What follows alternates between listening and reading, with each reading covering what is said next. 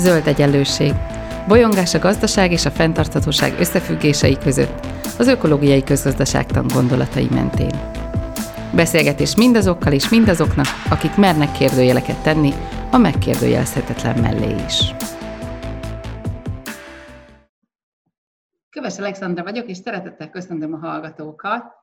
A, és nagyon nagy szeretettel köszöntöm a mai vendégemet, Gyula Iván ökológust, az Ökológiai Intézet a Fentartató Fejlődésért Alapítvány elnökét, az intézet igazgatóját. Um, szia Iván! Szervusz! Én is üdvözlöm a hallgatókat! A hónapunk témája itt szeptemberben a különböző iparágaknak a, a fenntarthatósága, és um, veled arról szeretnék beszélni, hogy mitől lenne fenntartható a mezőgazdaság. Tehát a mezőgazdaságról, mint, mint iparról um, szeretném, hogyha ha beszélgetnénk egy kicsit, és annak a fenntarthatóságáról, fenntarthatatlanságáról. De mielőtt ebbe belekezdenénk, um, szeretném, ha néhány mondatba um, a hallgatók is megismerhetnének téged, és, uh, és röviden bemutatkoznál, hogy, hogy mivel foglalkozol. Eredetileg én egy lepkegyűjtő voltam gyermekkoromban, aztán biológia kémia szakos tanárként végeztem az egyetemen, két évig tanítottam, utána természettudományos muzeológus lettem a Herman Otto Múzeumnak a természettudományi gyűjteményét gondoztam, és 92-ben hoztuk létre ezt az Ökológiai Intézet a fenntartható fejlődésért nevű alapítványt. Azóta uh, itt dolgozom, és már rég, rég, már három éve nyugdíjba mentem, de még mindig itt dolgozom, és szerintem amíg van intézet, vagy én, addig ez a házasság valószínű működni fog. Hát, hát nélkül én mostanában a mélymúltos kertgazdálkodásról vagyok híres, úgyhogy Akkor talán ezt is beleszőhetjük egy kicsit a Biztos, hogy belefogjuk, mert ugye akinek van egy kalapács, az hajlandó mindent szögnek nézni. Tehát nekem ez a kalapácsom most, úgyhogy biztos. Uh, júliusban a fenntartható fogyasztásról beszélgettünk uh, vendégeimmel, és az egyik adásnak Benedek Zsófia volt a vendége, és szoba került a fenntartható étkezés, akkor ezt inkább a fogyasztás oldaláról vettük végig a, a szokásos témákkal, húsevés vagy növényevés, bioélelmiszer vagy nagyüzemi élelmiszer, helyben termelt vagy importált fogyasztás. Szóval a, a szokásos témák, amik előjönnek abban, hogy az egyén esetleg mit tehet annak érdekében, hogy a, a fenntartatóságra való átállást segítse. Akkor azonban nem tértünk ki bővebben arra, hogy hogy tulajdonképpen mi is a mezőgazdaság, mint iparág problémája a fenntarthatóság tekintetében, és hát pláne nem tudtunk a, a kollektív társadalmi vagy iparági megoldásokról beszélni. Ezt szeretném ma ezzel az adással pótolni. Először térjünk rá röviden a problémákra, és később hosszabban a lehetséges megoldásokra. Mit látsz ma a mezőgazdaság legnagyobb kihívásának? Hát először azért tisztázzuk, hogy mi az, hogy, vagy mi lenne az, hogy fenntartható mezőgazdaság. Egyébként egyáltalán nem különbözik egyetlen iparág sem ebben a tekintetben, hiszen minden akkor fenntartható, hogyha az erőforrásait, hát elsősorban itt most természeti erőforrásokról beszélünk, bár nem nagyon szeretem ezt a kifejezést, de ezt a megújulás mértékén használja. Tehát a mezőgazdaságnak alapjába véve a talajt, a vizet, a, biológiai alapokat kellene úgy használnia, hogy azok képesek legyenek folyamatosan megújulni. És hát, ha problémákat összegeznénk, akkor ez egyik sem történik meg. Hát ettől nem fenntartható a mezőgazdaság. Most a kérdésre válaszolva azt tudom mondani, hogy a jövőben itt a legnagyobb kihívás, ami a mezőgazdaság előtt áll, hogy romló környezeti feltételrendszerben egyrészt maga rontotta le, másrészt pedig hát ugye a nagy kollektív cselekedetnek a hatása, a környezetnek a romlása. Tehát e, ebben a romló környezeti feltételrendszerben egyre többet kellene neki termelnie. Tudnélik, tehát az, hogy a mezőgazdaság az mennyire szól az élelmezésről, és mennyire másról, azért az jól szemlélteti, hogy hát, jó, hát mondjuk a legtöbb és a legnagyobb felhasználási területe a gabonaféléknek az a takarmányozás, tehát ez is kapcsolódik valahogy nyilvánvaló ugye az, az ember élelmezéséhez, de maga a, a, a gabona, amit élelmiszerként elfogyasztunk, az az ilyen tizenvalány százaléka az összes megtermeltnek, és ennél nagyobb részesedése van az ipari felhasználásnak. De ugye a jövőben egyre inkább arról lesz szó, hogy az élelmiszer termelés rendeltetése mellett energiát, növényi rostokat, és új, újabban pedig növényi polimereket is termeljen. Ugye ez egy új, ez az utóbbi, ez egy teljesen új követelmény, hiszen a hagyományos olajoknak a fogyatkozása miatt szükséges pótolni azokat. És e, itt a mezőgazdaságra lehet támaszkodni. Ráadásul ugye úgy gondolják, hogy a természetes növényi olajok azok lényegesen kedvezőbbek lesznek majd környezeti szempontból. És Ez hát, jó vagy rossz hír nekünk? Rossz hír, kifejezetten minden rossz hír. Tehát tudni, azért azt kell megfontolni, hogy a, tehát elmondom, hogy miért rossz hír, még a, a, nekem kifejezetten rossz hír, mint ökológusnak, de, de szerintem a mindennapi ember, aki szeretne egészséges, elegendő élelmiszert fogyasztani, neki is rossz hír.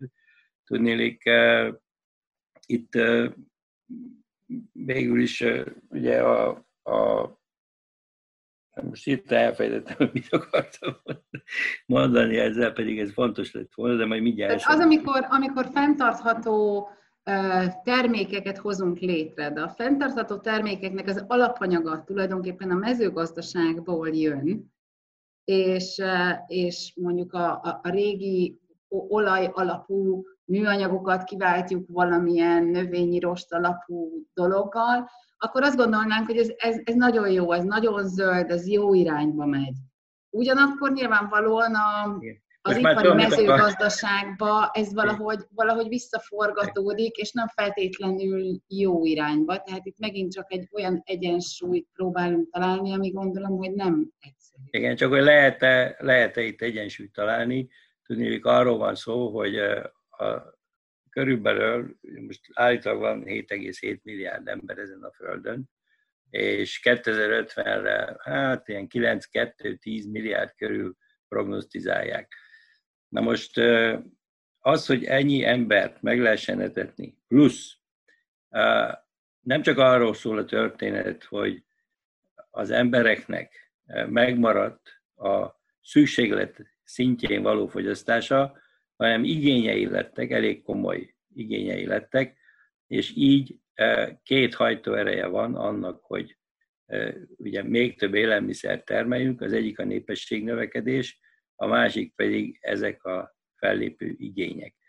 Na most, ha számokba szeretném kifejezni, hogy itt például a, a szántóföldi kultúrából kikerülő termékek iránt milyen igény fog jelentkezni, akkor ennek a kielégítésére egy 800 millió hektárt kellene 2050-ig termelésbe vonni.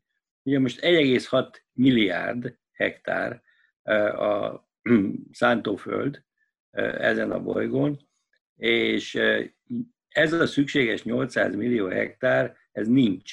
Tehát ha komoly áldozatokat hoznak majd, és további ökoszisztémákat fel fognak számolni, már pedig nyilván elsőbb lesz az, hogy az emberek egyenek, akkor van egy körülbelül 400 millió hektár, vagy a, ma, még a szükséges 400 millió van, arról senkinek fogalma sincs.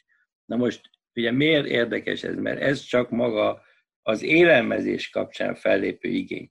De hogyha arról beszélünk, ugye, hogy örüljünk annak, hogy, hogy ja, hát akkor elindul egy modern vonal, és akkor majd a növényi polimerekből környezetbarátabb termékek lesznek, vagy örüljünk a, a úgynevezett agroüzemanyagoknak, tehát biodízel, bioetanol, hogy mindenki értse, nekem ez csak agroüzemanyag, örüljünk ugye annak, hogy megújuló energiaforrásokból állítunk energiát, biogázt is, nem tudom én mit.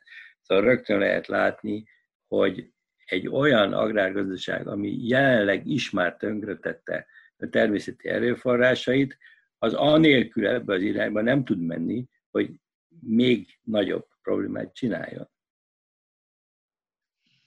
Ugyanakkor az ökológiai modernizáció hívei mindig azt mondják, hogy, hogy majd létrejönnek olyan technológiák, amik, amik ezeket megoldják, és mondjuk nem földterületet kell majd bevonni, nem újabb földterületeket, hanem adott esetben létrejönnek olyan technológiák, amik, amik egy adott földterületen még többet tudnak hasznosítani, vagy minden, minden egyes részt, hulladékot, bármit fel tudnak használni, újra tudják forgatni. Mennyire reális ez, a, ez az optimizmus, ez a technooptimista hozzáállás? Hát az, hogy technikailag, technológiailag ez lehetséges legyen, én ezt nem kétlem. De erre én csak azt szoktam mondani, hogy jó étvágyat kívánok hozzá.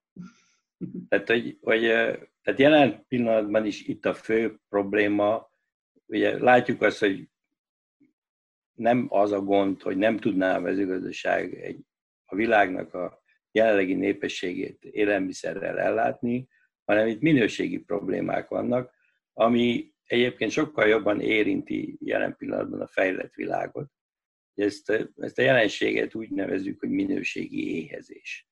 Tehát a világon egyre több ember találkozik ezzel a problémával, azért, mert, mert hogy ugye a, a úgynevezett konvencionális mezőgazdaságból kikerülő termékek, ezek a beltartalom szempontjából egyre silányabbak. Na most ez viszont a, a beltartalom és ez a technikai modernizáció, ami végbe ment a mezőgazdaságba, tehát ez az iparszerű mezőgazdaság, ez kéz a kézbe jár ezzel a silány minőségű beltartalom, beltartalommal rendelkező élelmiszer alapanyaggal. Most ennek az egyértelmű oka az végül is a vegyszer használatba keresendő, de az, hogy miért kell vegyszert használni, az meg abba keresendő, hogy műtrágyát használunk. Az, hogy műtrágyát kell használni, az meg abba keresendő, hogy a termőtalaj az tulajdonképpen ma már csak egy váz, ami a növényeket tartja a felszínén, de nem táplálja. Még azért nem táplálja őket, mert a talajforgatással, illetve a különböző agrokémiai anyagoknak a használatával tönkretettük a talajnak az élővilágát, holott természetes körülmények között a talajban lévő élet az, ami a növényeknek a táplálását biztosítja, azáltal, hogy bizonyos baktériumok feltárják a talajban lévő tápanyagokat, ugye a szerves anyagokat lebontják, egyszerű fel, növény számára felvehető elemekké, ionos oldott formába hozzák a növény számára, és a úgynevezett mikorhíza gombák, azok pedig széles körben segítik a növényeket abba, hogy az így elkészített tápanyagokat beszállítsák, tehát ők a beszállítói ezeknek az anyagoknak. És ezeket tesszük tönkre a vegyszerezéssel? Hát is, de elsősorban a talajforgatással, tudnék, a, a, a, a talajforgatása az lerombolja ezeket a struktúrákat. Na most abban a pillanatban, ugye egyébként úgy hívja ezt a szakma, hogy három oldalú szimbiózis, aminek az a lényege, hogy ezek a baktériumok, illetve mikoriza gombák támogatják a növényt, de cserébe ugye hát szimbiózisról van szó, tehát a növénynek is adni kell valamit, és a növény az elsődleges anyagcsere termékekből, tehát cukrokból, fehérjékből, elsősorban szabinaminósavakból, vitaminokból, egyebekből ugye lead, amit ő előállított, a, a gyökérnek a felszínére, a úgynevezett rizoplánra, és, és ez az, ami ugye cserébe jár a szolgáló baktériumoknak és gombáknak, egyben ezzel oda is csalogatja, ugye úgy nevezzük, hogy kolonizálja ezeket a szervezeteket, szervezeteket a gyökér szférájához.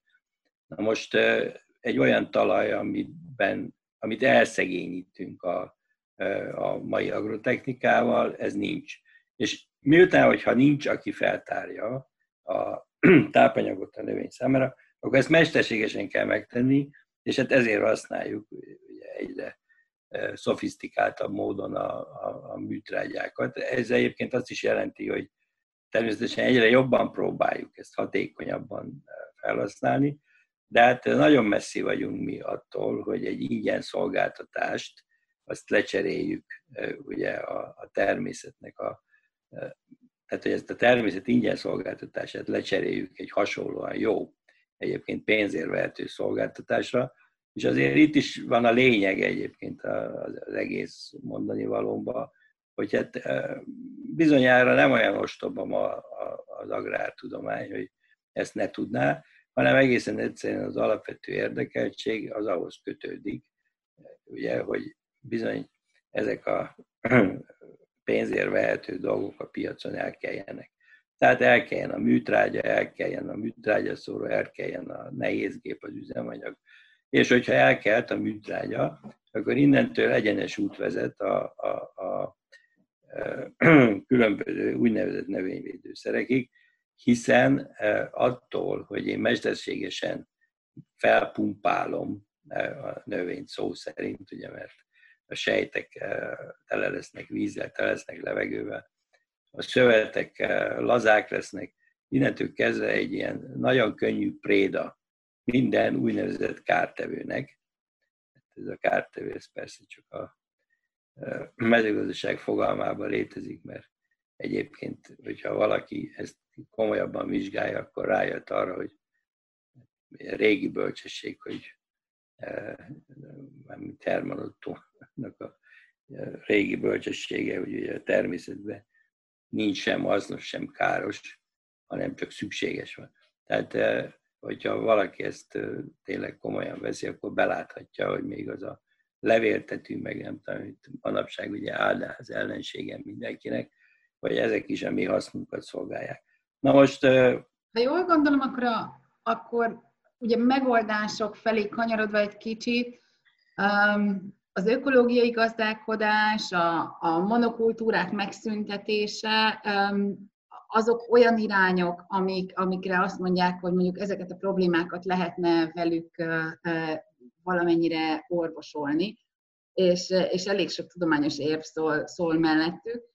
Ennek ellenére a közvéleményben mégis az a kép él, hogy a, a biogazdálkodás nem tudja megoldani az emberiség ellátását, és valójában, ha bioélelmiszert vásárolunk, akkor ez egy, egy szűk réteghez, ahhoz a szűk réteghez tartozunk, aki ezt a luxust meg tudja engedni magába. Na, mennyire, mennyire mutathat ki ebből a, ebből a, a, a válságból, vagy ebből a típusú negatív spirálból, amiről beszéltél, mondjuk az ökológiai gazdálkodás, vagy, vagy a, monokultúrák felszámolása.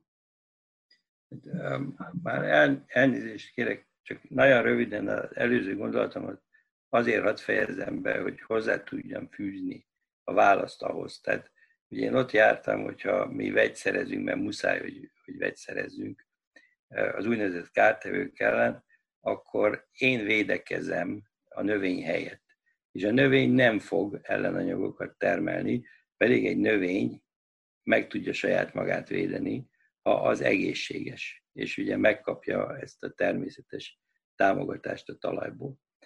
És tekintettel arra, hogyha ezt ő nem termelte meg, mert én védekeztem helyette, akkor a beltartalom is kárt fog szenvedni, elsősorban a másodlagos anyagcsere termékeknek a tekintetében.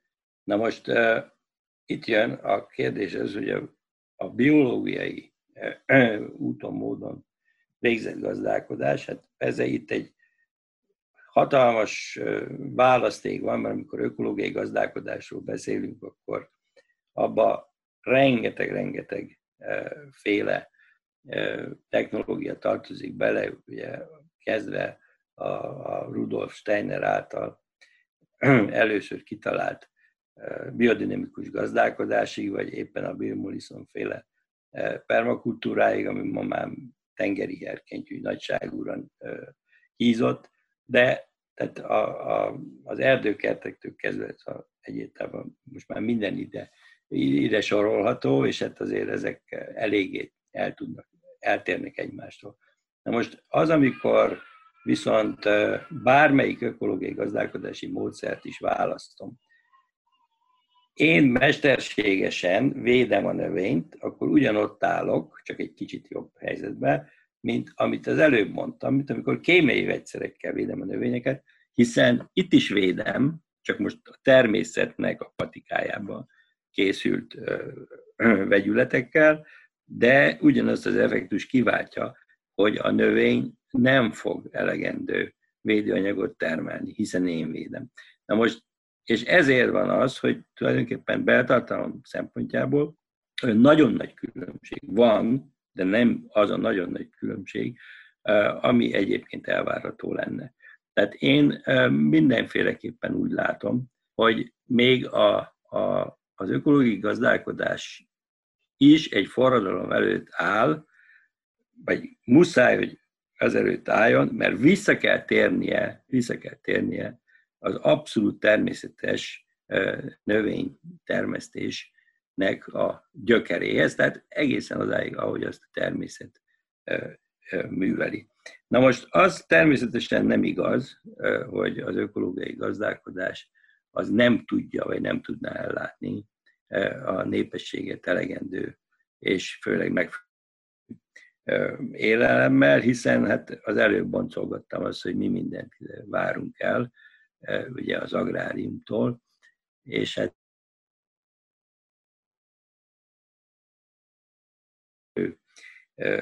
lényege a dolognak, hogy az embereket ellássa élelmiszerrel. Tehát igenis el tudná látni. És nem, hogy el tudná, de el, el is tudja. Most például az Európai Unió, most emiatt is sokan, de ugye azt a bizonyos 8%-ot 30-ra szeretné emelni, ami, ami, ami ugye bioterület lenne az összes termőterületben. Tehát azért lehet látni, hogy, hogy vannak ilyen törekvések, ugyanakkor viszont eltös módon borzasztó nagy az ellenállás. Tehát azok, akik konvencionális gazdálkodást folytatnak, receptek alapján dolgoznak, másrészt pedig hát egyszer már beruháztak, ugye ebbe a infrastruktúrába megvették a gépeket, megszerezték a szükséges ismereteket, és ez a legnehezebb dolog itt, hogy, hogy azt a kialakult szemléletet, ami véleményem szerint nagyon rossz, ezt hogy lehet lecserélni ezzel az ökológiai szemlélettel, plusz azért még egyszer visszatérek ehhez a gondolatomhoz, mert szerintem ez itt a kulcs, hogy, hogy azért ugye azért jó az a konvencionális mezőgazdaság, mert jól növeli a GDP-t. Most, hogyha én ezt elkezdem lebontani, ezeket a burkokat ugye a konvencionális mezőgazdaságról, mint eh, nehéz gépek, meg nagyon sok energia, meg rengeteg műtrágya, meg, meg növényvédőszer, akkor plusz még azért hozzátenném a modern élelmiszeripart is. Tehát, hogyha ezeket a burkokat mind lehántam róla, akkor az emberek már patikába se kéne, hogy járjanak, mert egészséges élelmiszert tennének meg, életmódot folytatnának Szóval egy csomó iparág úgy omlana össze, hogy ihaj csuhaj. Tehát ez, ez egyszerűen, tehát itt nagyon élesen kell látni, hogy, hogy persze lehet ilyeneket mondani, az ökológiai gazdálkodás. Az nem tudná, de hát, hogy ennek mi az ok, hogy ilyeneket mondanak, azért azt valahol itt kell keresgélni. Az kétségtelen, hogy, hogy ebben a podcast sorozatban nem ritkán hangzik el az, hogy a, a gazdasági növekedést, mint szent tehenet végül mégiscsak le kell vágni.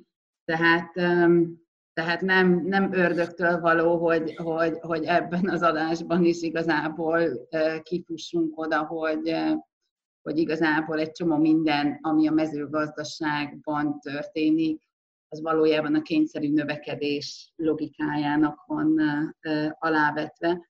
Viszont nyilván ahhoz, hogy, hogy ebből kikerüljünk, ahhoz azért elég radikális beavatkozásokat kellene tenni, de, de hogy mi szívesen hallunk itt radikális beavatkozásokról, Úgyhogy ha, ha néhány radikális beavatkozást kellene felsorolnod, ami a mezőgazdaságot globális szinten fenntarthatóvá tenni, melyik lenne az az öt?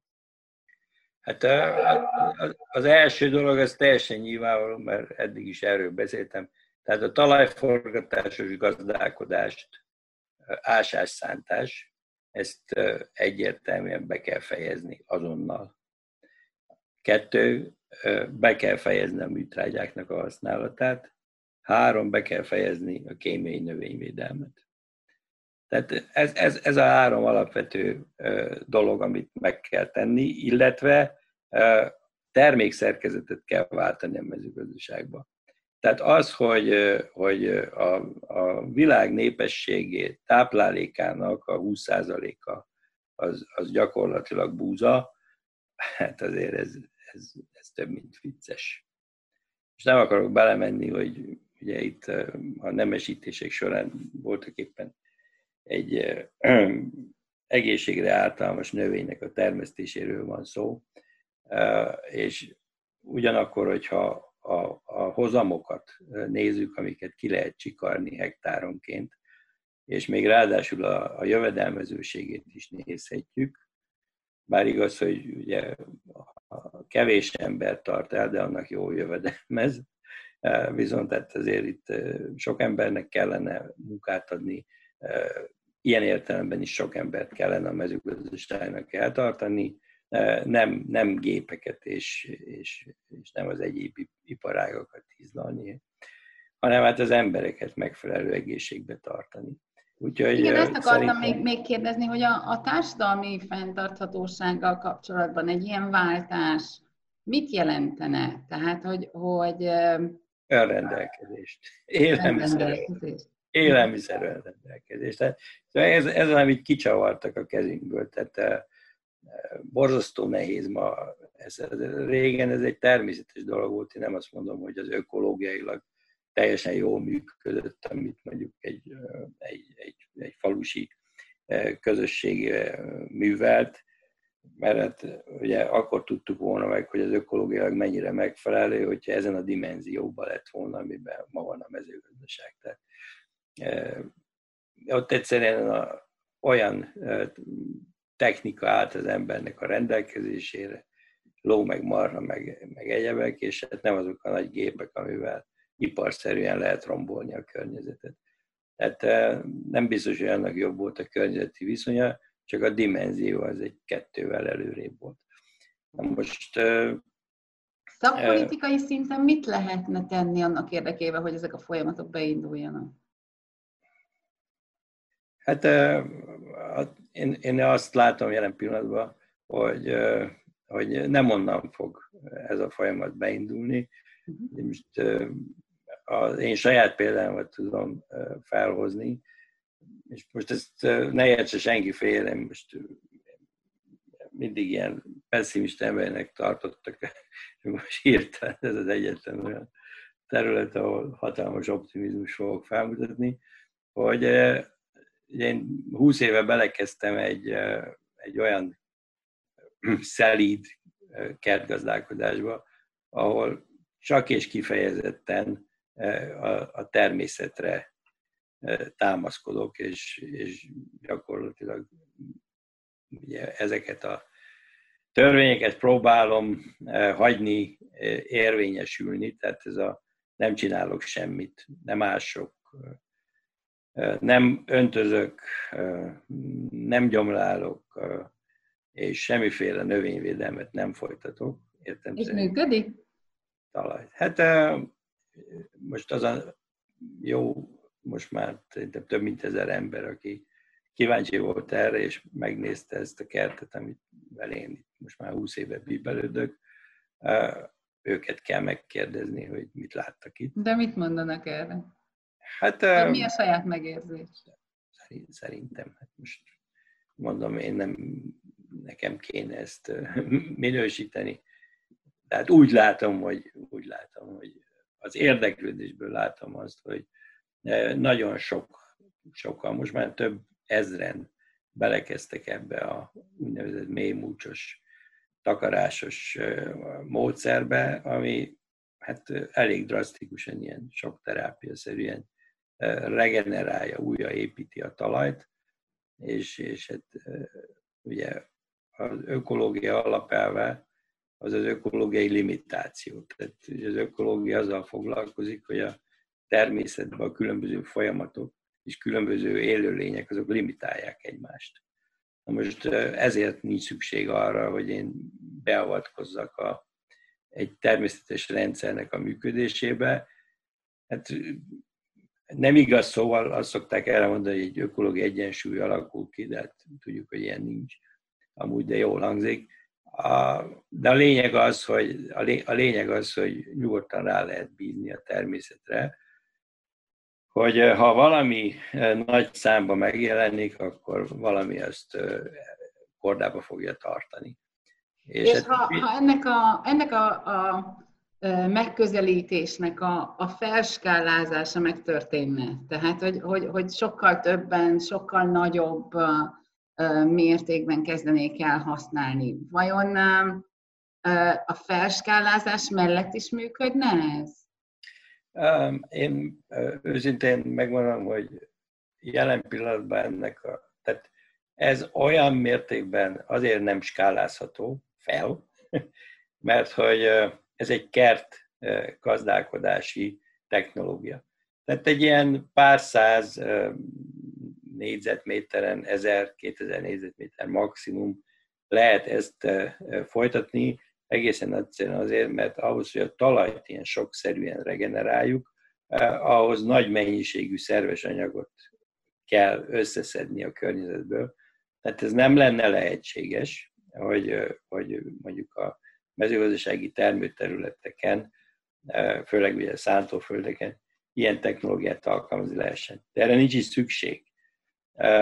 Tudni, ott megvan a, a megfelelő alternatíva, már elég régen, és hát persze ezt az alternatívát, mint mindent, tehát az is, amit én csinálok, értelemszerűen mindig finomítani kell, jobbítani kell, hogy minél jobban alkalmazkodjon a környezethez, de hát azért ma már közel a világ szántóterületeinek a 10%-át ugye leváltották úgynevezett no-till, tehát talajforgatás nélküli úgynevezett direktvetéses technológiákra, és itt még nincs, tehát ez még, még nem a csúcs természetesen ökológiai szempontból, de már kacsingatunk arra felé, mert, mert már megjelent a, megjelentek az élő múlcsos folytonos borítást biztosító technológiák, tehát itt is látjuk, hogy mi az, amire le lehetne cserélni nagy biztonsággal, és ráadásul nem csak, hogy kisebb környezeti károsítással, hanem nagyobb hozammal is. Csak itt megint majd jön ez a probléma, hogy mit kell csinálni akkor ugye azokkal a gépekkel, amiket már bevásároltunk. Tehát itt, itt még hangsúlyosabban esik ez labba. Amit én csinálok, az azért nem érdekes a, a, a gazdaság szempontjából, mert ugye az, hogy a, nagyon sok, körülbelül másfél millió magyar ember kertészkedik, és megpróbál magának valamilyen számára elfogadható minőségi élelmiszert megtermelni. Ez, szerintem ez egy, ez egy nagyon jó dolog, és ebben, ebben a pillanatban még nem azt kell látni, hogy hát majd e, így eltartja magát az emberiség ilyen módszerekkel, hanem azt kell látni, hogy ez annak az előszabálya, hogy megtanuljuk azt, hogy ha együtt élünk a természettel, és hagyjuk ezeket az erőket, ugye manapság ezt ilyen nagyképűen úgy nevezik, hogy ökológiai szolgáltatások, tehát hogy hagyjuk ezeket a szolgáltatásokat érvényre jutni, akkor meg tudunk szabadulni a hiányoktól, meg a bajoktól. Én nagyon szépen köszönöm ezt a beszélgetést, nekem nagyon izgalmas volt, és nagyon sok új aspektust mondott, és, és hát tényleg ez, ez, a, ez, a, ez a végszó, annak ellenére, hogy azt mondtad magadról, hogy pessimista vagy, szerintem azért ez egy optimista végszó volt. Úgyhogy nagyon szépen köszönöm a, a beszélgetést neked. A következő adásunk témája az pedig a fenntartható sport lesz, úgyhogy hallgassatok bennünket legközelebb is. Köszönöm, Iván, hogy itt voltál velünk. Én is köszönöm szépen, minden jót kívánok. Ez volt az Új Egyenlőség zöld podcastjának mai adása. Hallgassátok az Új Egyenlőség piros podcastot is. Nézzétek a stúdióbeszélgetéseket a YouTube csatornákon, és olvassátok a www.újegyenlőség.hu-t. Vitatkozzatok velünk a Facebook oldalunkon. Jövő héten újra találkozunk.